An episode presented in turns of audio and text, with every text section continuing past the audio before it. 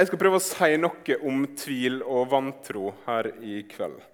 Eh, sånn, på programmet så ser det ut som det er på en måte trua på vann jeg skal si noe om, men det, eh, det er altså ikke det. Eh, jeg syns helt ærlig det er ganske vanskelig å snakke om eh, tvil og vantro, fordi når folk snakker om tvil, eh, så er det gjerne den der grunnleggende tvilen på fins Gud egentlig.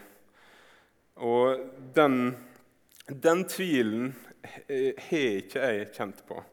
Eh, og Derfor syns jeg det er vanskelig å snakke om det. fordi jeg ønsker ikke å snakke om temaet, uansett hva vinkling, på en sånn måte at eh, en får inntrykk av at det er på en måte, det er sånn du er en skikkelig kristen hvis du aldri har strevd med det spørsmålet.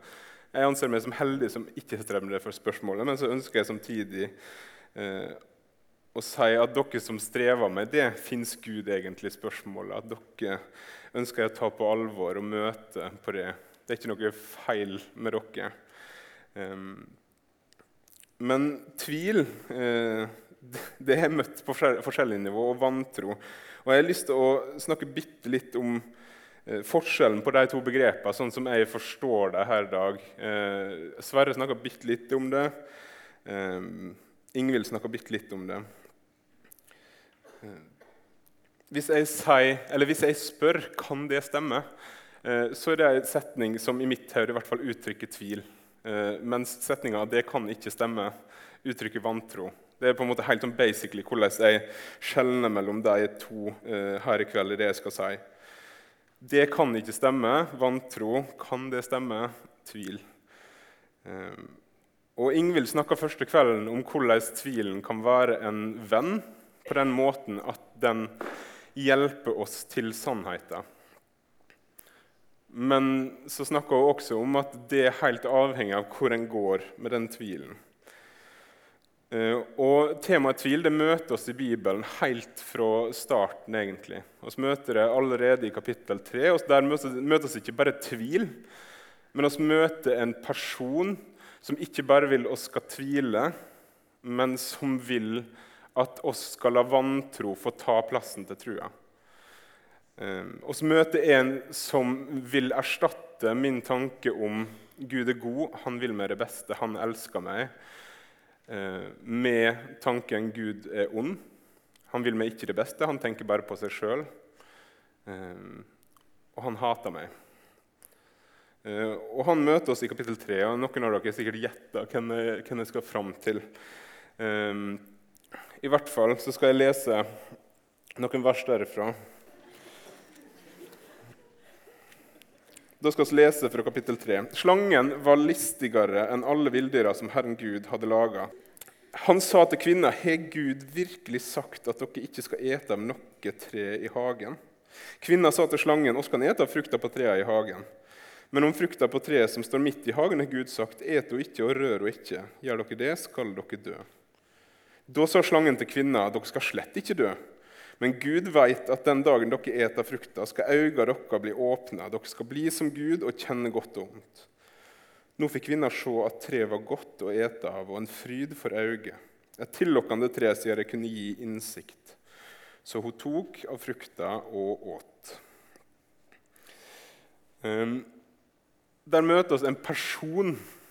Slangen, djevelen, Satan løgneren, denne verdens fyrste. Han er mange navn i Bibelen. Men vi møter altså en person som ikke bare vil at vi skal på en måte komme litt på vaklende grunn, men han vil at vi skal endre helt fundamentet som oss står på.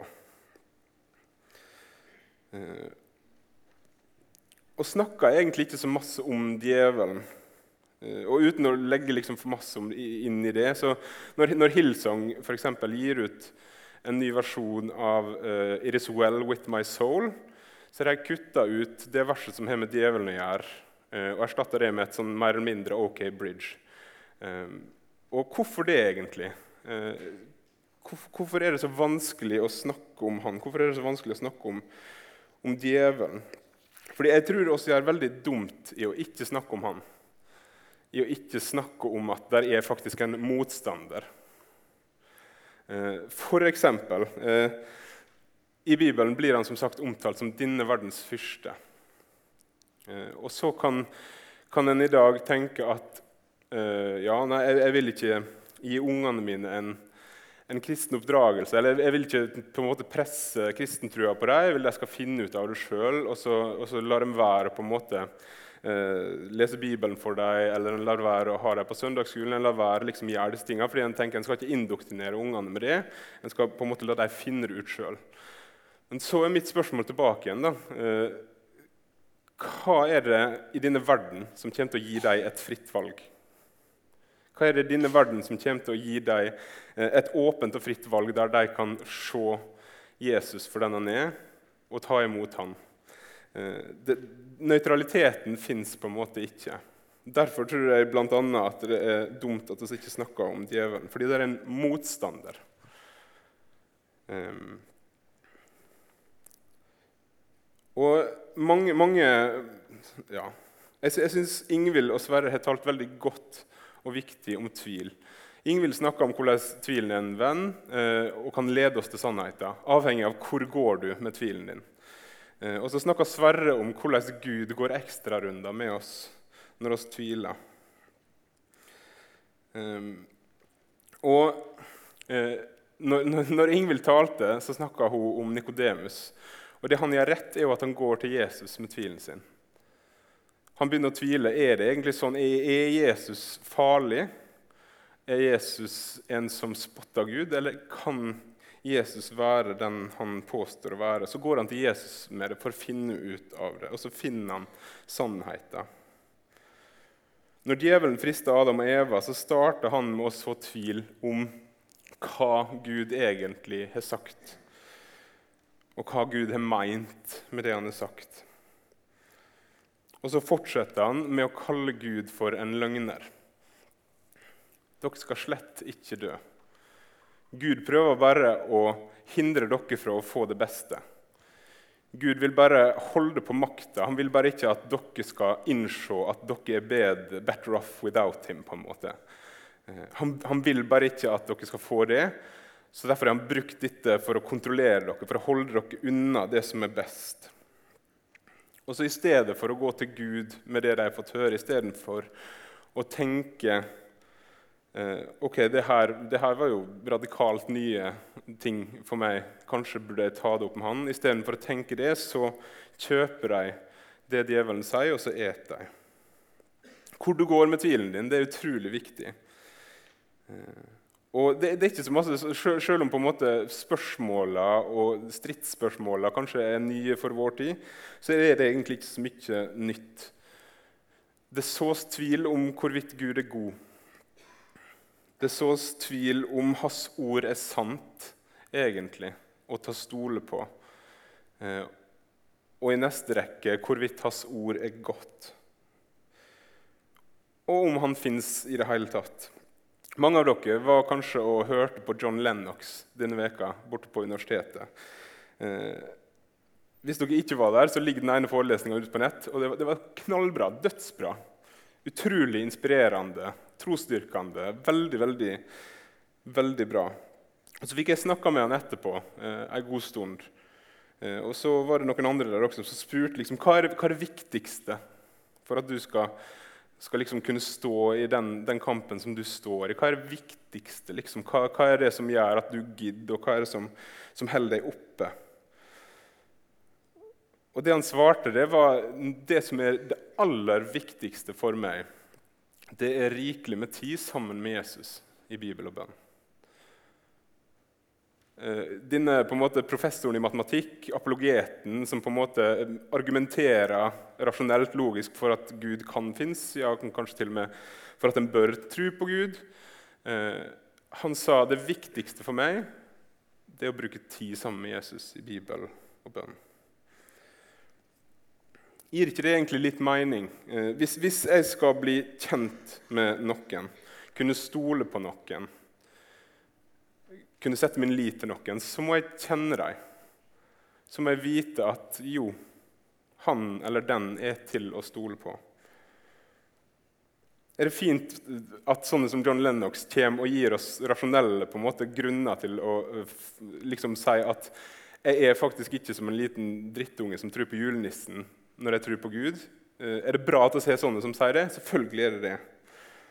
Um, gir oss frimodighet på at trua vår gir, gir mening. Men for at vi skal ha tillit til Jesus og tro på Gud i møte med den tvilen som ikke er på en måte sånn intellektuelt, men som, som knuger, som vi kan kjenne på, som kan holde oss våken om natta, så tror jeg det er å kjenne Jesus. For å kunne ha tillit til Jesus må du gjenkjenne han og kjenne han i hans ord og i bønn. Djevelen dukker opp flere ganger i Bibelen, eh, og Jesus sjøl blir faktisk frista. Og skal lese fra Matteus kapittel 4. Da kom fristeren, det er et nickname på djevelen, til han og sa:" Er du Guds sønn, så si at disse steinene skal bli til brød. Jesus svarte, det står skrevet, mennesket lever ikke av brød alene, men av hvert ord som går ut av Guds munn. Da tok djevelen han med seg til den hellige byen, satte han ytst på tempelmuren og sa, Er du Guds sønn, så kast deg utfor. For det står skrevet, han skal gi englene sine påbud om deg, og de skal bære deg på hendene så du ikke støyter foten på noen stein. Men Jesus sa til ham, det står også skrevet, du skal ikke sette Herren Gud på prøve. Så tok djevelen han med seg opp på et svært høyt fjell og viste han alle rika i verden og deres herlighet og sa:" Alt dette vil jeg gi deg om du faller ned og tilber meg. Men Jesus sa til han, Vekk med deg, Satan. For det står skrevet, Herren din Gud skal du tilbe, han og ingen annen skal du tjene. Da gikk djevelen fra han, og så engler kom og tjente han. Når jeg leser den teksten, så er det én ting som slår meg med en gang. Og det er at djevelen leser i Bibelen. Djevelen kjenner Bibelen. Fra andre fristelser av så er det Bibel, altså, Der kommer noen sånne der sitat fra Det gamle testamentet som djevelen bruker for å prøve å overbevise Jesus om at det er en god idé å gjøre som han sier. Men så svarer Jesus med samme mynt, egentlig, der djevelen vrir og vender og misbruker Guds ord Akkurat egentlig som i første Mosebok 3. Har Gud virkelig sagt eller har Gud virkelig ment det sånn? Så svarer Jesus med på en måte Jeg kjenner min far. Jeg kjenner min far, jeg veit hva han har sagt. Og du er full av dritt. Veldig parafrasert. Altså, jeg vet ikke om, altså, The Message en gang har ikke det skrevet sånn, så jeg beklager. Men eh, han avslører ved kjennskap til far og til ordet at det djevelen ber han om å gjøre, det er ikke noe eh, som er godt, noe som er rett, noe som Gud står for. Eh, og sånn, sånn, må det være for oss også, at oss kjenner og dermed står imot. Eh, jeg, så, jeg hørte en, en fyr som snakka om akkurat dette, som, som, beskriver det på denne måten. Da. Hvis han er 100 sikker på at kona hans er trofast mot ham. Han var gift i 40 år med henne. 100 sikker. Men så er det noen som kommer til han, altså liksom, eh, hvis noen kommer til han liksom sier ja, men du er jo rundt og taler liksom halve året. Du aner jo ikke hva hun holder på med da. Kan jo godt hende hun er sammen med en annen mann akkurat nå. Så sier han Da hadde jeg sagt eh, nei. Så hadde jeg gått og lagt meg, og jeg hadde sovna sånn. Hvorfor, hvorfor, hvorfor, kan han si det? liksom? Hvorfor kan han si at liksom, eh, kona, som er på en måte i en by langt vekke, mens han er ute på tur, at hun ikke er sammen med en annen mann? Hvordan kan han stole så masse på det? Jo, han kjenner jo kona si. De er jo gift i 40 år. Han, han, på en måte, han har en sånn tillit til henne at han mista ikke nattesøvn fordi noen kom og sa sånn der, kona di er sikkert sammen med en annen mann nå. Sånn, sånn må vi ha det med Jesus også. Når noen kommer og sier Jesus eh, er sånn og sånn, og det strider mot det vi tror på, så burde jo ikke det føre oss inn i ei på en måte krise. Men vi kan svare nei, han er ikke sånn. Jeg kjenner, jeg kjenner han. Jeg kjenner han, jeg veit hva han har sagt. Han er ikke sånn som du beskriver. Når vi møter likevel da, den tvilen som på en måte forplanter seg og holder oss våken på kvelden For min del har den tvilen eh, vært mer på, på en måte tvil på om trua altså Tror jeg på det jeg tror på, eller tror jeg bare at jeg tror på det? Gir det mening for noen av dere? Altså, Står jeg her og snakker til dere fordi jeg har løyet så masse til meg sjøl om at jeg tror på Jesus, at jeg har trodd det sjøl, eller tror jeg faktisk på Jesus og står her fordi jeg tror på han? Den tvilen har plaga meg. Tvilen på tror du egentlig på det her, eller står du bare eh, og snakker piss og egentlig ikke er en kristen? Eh, står du og på en måte forkynner, men kommer Jesus igjen, så sier han 'jeg kjente ikke deg'. Det er den type tvil jeg har strevd med mest. Eh, og imot den tvilen så må jeg bare gå til Jesus, se på korset. Se igjen at han døde faktisk for meg mens jeg enda var en synder. Han, han på en måte slutta ikke å være min frelser om jeg, eh, om jeg skulle si noe som var litt, litt feil, eller om altså, Min tillit må ikke være til min tru, men til Han som har frelst meg. Det er ikke min tru som frelser meg, men det er det Jesus som gjør. Når tvilen på en måte knuger, gå til Jesus med den. Eh, Temaet i dag var 'Hjelp min vantro'. og I siste del av talen så har jeg lyst til å snakke litt om det ordet her. Håpløs. Jeg vet, ikke, jeg vet, ikke, hvor mange av dere som har tenkt på, på måte, eh, hva, det, hva, det, ordet innebærer. Mange av dere har sikkert sagt det eller hørt det i en sånn der, ja, helt håpløst. Eh, en sånn type setting. Men hvis du tar det ordet, ser på det, eh, så er det et enormt sterkt ord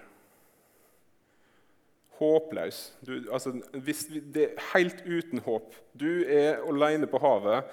Eh, det er ikke land i sikte, og du er på vei under. Ingen kommer for å redde deg.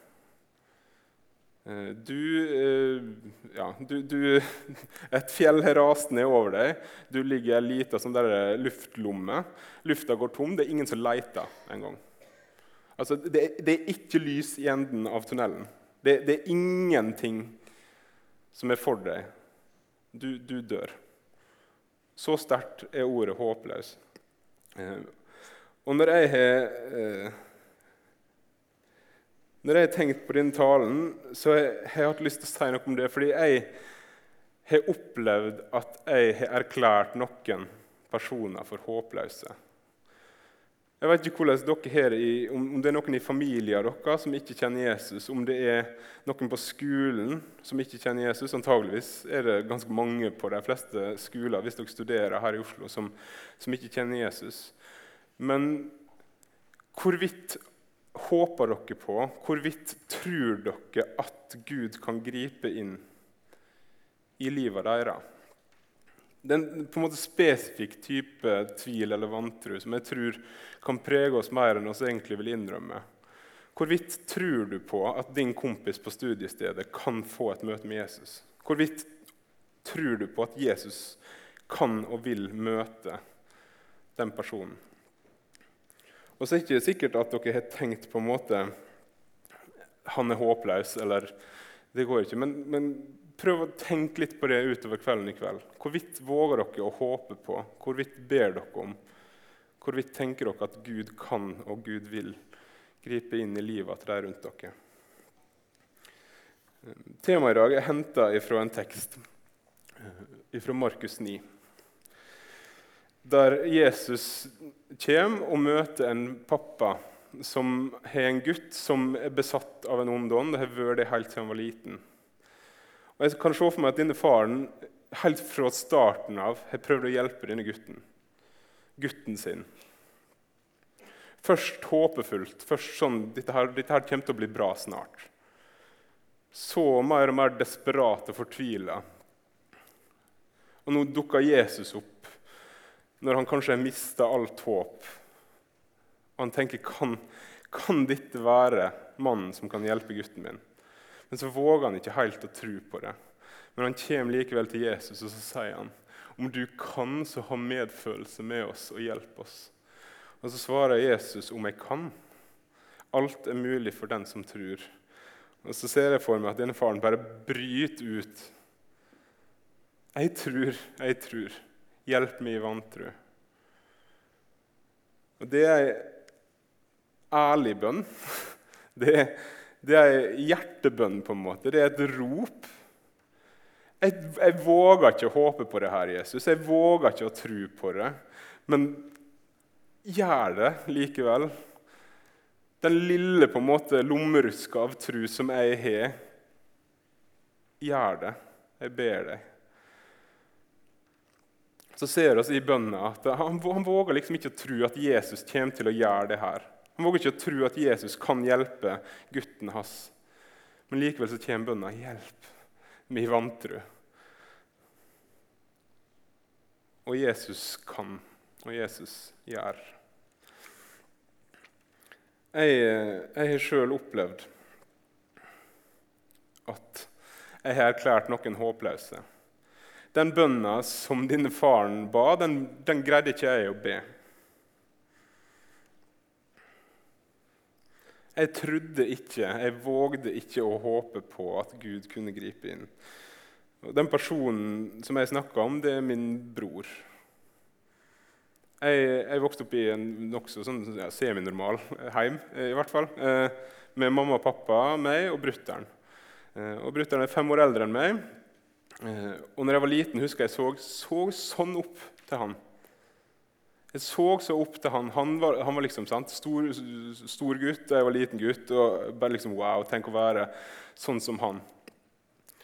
Men så utover barneskolen og når jeg begynte på ungdomsskolen, så, så opplevde jeg hvordan rus, hvordan narkotika, kan ta noen ifra deg. Når jeg begynte i fjerde klasse, tenker jeg, så Eh, så hadde han havna i et veldig røft miljø. Eh, han ble mobba på barneskolen, det ble jeg også. Eh, og så ble han mobba videre på ungdomsskolen. Og havna til slutt i et miljø der det var rus, det var, det var alkohol, det var dårlige venner som på en måte prøvde å få deg til å gjøre dumme ting. Så vi flytta i håp om at det skulle bli bedre på en ny plass. Og for meg ble det bedre. På den nye plassen vi flytta til, var det ikke mobbing. Det var et fint klassemiljø, det var et fint ungdomsmiljø.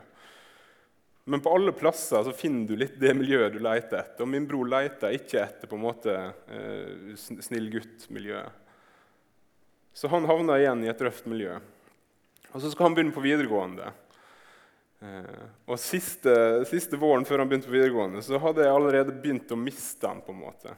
Jeg husker fortsatt hvor måte, vondt det gjorde når eh, hele klassen hans hadde vært i England på klassetur. Alle de andre kom hjem liksom, og hadde med seg gave til småsøsknene sine som gikk i klassen min. Og Brutter'n kom hjem, og han var sånn Hvorfor skal jeg, hvorfor skal jeg gi deg noe? Eh, og bare den liksom ah, Nei, også, OK, ja, kanskje du har rett. Liksom. Hvorfor, skal, hvorfor, skal, han bry seg om meg? liksom? Eh, og så begynner han på Tryggheim. Og mamma og pappa tenkte nok liksom jackpot. Kristen internatskole, nå ordner alt seg. Nå blir alt bra. Eh, men på Tryggheim også så finner du det miljøet du leter etter. Og i stedet for at eh, Tryggheim ble liksom eh, Yes, nå kom han på the right track. Så blir han introdusert for amfetamin på en, hus, på en husfest på Tryggheim. Når han kommer hjem igjen derfra, så er han blitt narkoman. Og det lille han brydde seg om eh, familien før han reiste, det var vekk nå. Nå handler alt om penger til, penger til dop, om dop.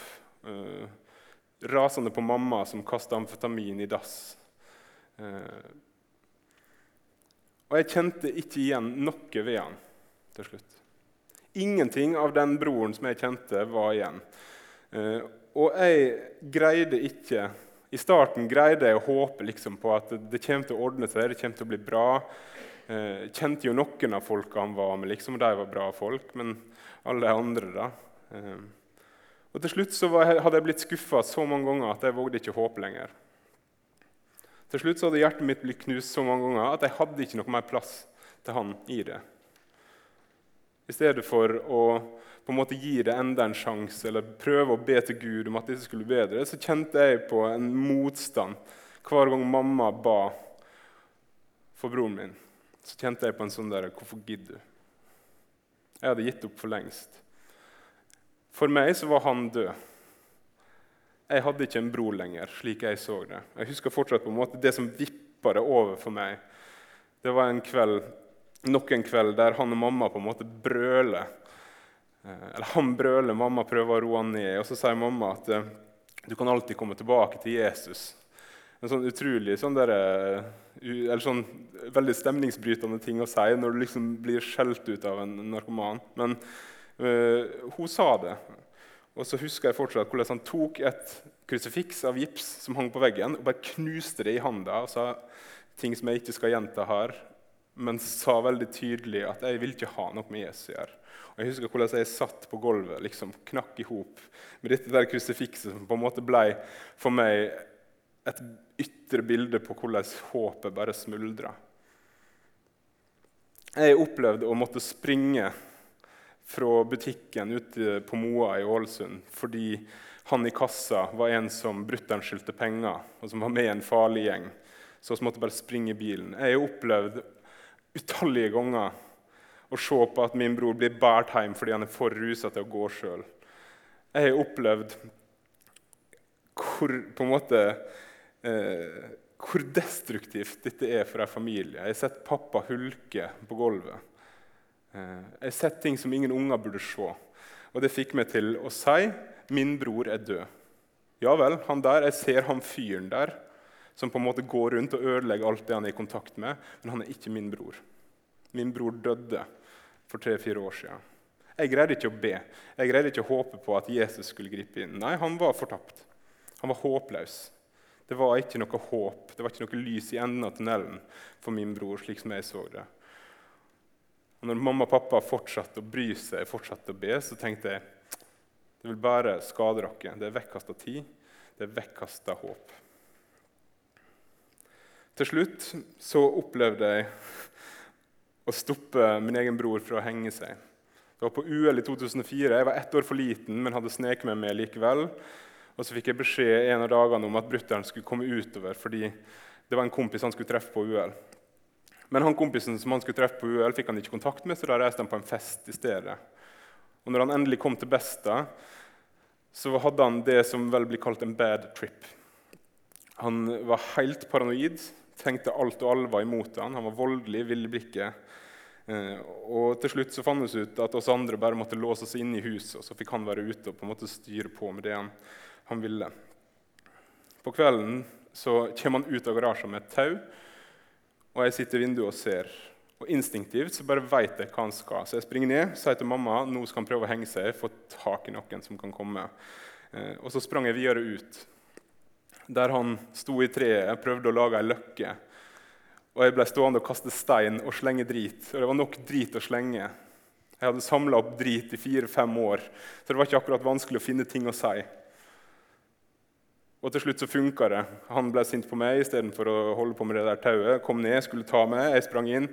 Eh, situasjonen avverga, på en måte. Eh, og Veka etterpå så hadde vi familieråd. Det var eh, en uvanlig hendelse i vår familie at hele familien var samla, egentlig. Eh, men da var det familieråd der brutter'n fikk klar beskjed fra mamma at nå, nå må oss sette en strek her også villig til å gi deg et år på folkehøgskole mot at du går dit, blir nykter, og så kan du fortsatt være en del på en måte av denne familien. Men lillebroren din skal ha en barndom.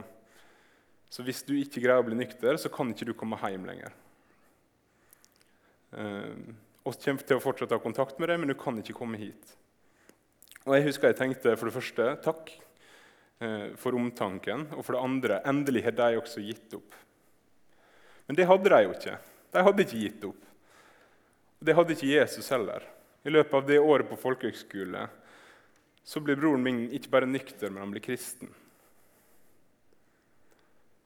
Og Selv om jeg hadde erklært han død tre år tidligere, så fikk jeg broren min tilbake. Når jeg leser historien om den bortkomne sønnen og ser hvordan faren sier til den andre broren din broren din var død, men har blitt levende, så er det et veldig levende vers for meg. Fordi det har jeg opplevd. Jeg har opplevd hvordan jeg har gitt opp, og hvordan Jesus fortsatt gjorde. Jeg har opplevd hvordan jeg ikke våga å be 'hjelp meg' i min vantro. Hjelp min vantro. Se situasjonen her, Jesus. Dette som virker håpløst for meg. Skap håp i det. Det våga ikke jeg å be om. Men Jesus gjorde det likevel. Og En ting jeg også har blitt minnet på, er Dette er fra historien om den rike unge mannen, der Jesus, når han ser han gå vekk, sier det er vanskeligere for en rik mann å komme inn i himmelriket enn for en kamel å komme gjennom en nåløye. Og Disiplene spør ham forferda hvem kan da bli frelst. Så svarer Jesus for mennesket er det umulig, men for Gud er alt mulig. Det har jeg blitt minnet om når jeg har jobba med denne talen, når jeg igjen har kommet tilbake igjen til historien om min bror. At når Jesus kunne frelse meg så kan han også frelse min bror. Og når han kan frelse min bror, så kan han i hvert fall møte noen som ikke er så djupt i mørket som det min bror var. Hvorfor deler jeg denne historien? Er det for at dere skal tenke sånn Well, man, you've experienced some stuff. Jeg vil at dere skal se og skjønne og tenke at Jesus lever at Jesus handla. At Jesus virka i dag. Jeg, jeg, jeg, kan ikke stå som John Lennox og fortelle om hvorfor det, sånn, eh, Eller plukke ifra hverandre argument til ateister. Men jeg kan fortelle at jeg har sett Jesus ta et liv og snu det på hodet. Fun fact i dag er min bror bedehusformann eh, der han bor. Han er ikke bedehusformann-typen, på en måte, men han er blitt det. Han ringte meg og fortalte det for, for noen måneder siden, og jeg begynte å le. Eh, og så sa han litt indignert 'Ler du?' Og jeg bare sånn, ja, altså, hva Har du kjøpt? Har du begynt å gå i dressjakken til pappa også? Eller hva er, eh, hva er greia, liksom? Eh, men er, der, der, er han nå, liksom. Far til tre, eh, folkeskolelærer, bedehusformann. Eh, Jesus handla. Det kan jeg, det kan jeg vitne om. Hvorfor tviler ikke jeg på at Gud fins? Pga. det jeg nettopp har fortalt. Det er, ikke, det er ikke, noe fjernt, abstrakt, det er ikke noe sånn eksistensielt altså, det, det, det, er ikke et snakk om på en måte det intellektuelle for min del, fordi jeg har sett, jeg har hørt, jeg har opplevd hvordan Gud griper inn. Så jeg ønsker at du nå etterpå, når vi synger sammen, når vi eh, går til forbønn, tenk på er det noen som du har erklært håpløse. Er det noen som du har tenkt han kan ikke Gud gjøre noe med, eller hun kan ikke Gud gjøre noe med? Er det en situasjon der du tenker Gud kommer ikke til å gjøre noe her? Legg den fram for Gud i så fall. For selv om jeg hadde gitt opp, så hadde ikke Besta gitt opp, så hadde ikke mamma gitt opp, så hadde ikke pappa gitt opp. De fortsatte å be når jeg slutta. Når jeg på en måte hadde gravsteinen til brutter'n klar, så fortsatte de å be om at han måtte bli gjort levende igjen. At vi måtte få han tilbake igjen. Og vi fikk det. La oss be. Kjære Jesus, takk at du er en levende Gud. Takk at du handler. Takk at du forvandler. Takk at du snur liv på hodet vil jeg be om tilgivelse for alle de gangene der oss tenker så lite om hva du er, og hva du gjør. Der oss tenker det er håpløst. Der oss kan se på utviklinga i landet vårt og tenke at nei, dette her går aldri bra, eller her, her går det bare én vei. Må oss få lov til å være sånne som roper til deg i fortvilelse og ber om hjelp til vår vantro. Jeg ber om at du må velsigne trua vår. Eh, og jeg ber om at den må være vendt mot deg, uansett hvor liten den måtte være. Når oss bare har en liten, lita, lita tru som ligger i bunnen av lomma, må du, må du komme oss i møte med den trua. Må du la den få, få vokse, må du la den få være grunnen som vi står på. Så ser du disse, disse kveldene der som snakker om tvil, om vantro. Eh, jeg ber må, må alle oss få lov til å komme til deg når oss kjenner eh, at tvilen plager oss. Og må du vise oss mennesker som kan hjelpe oss. Må du vise oss mennesker som oss kan snakke med om tvilen vår. Takk, Jesus, for at du er en levende Gud. I ditt navn. Amen.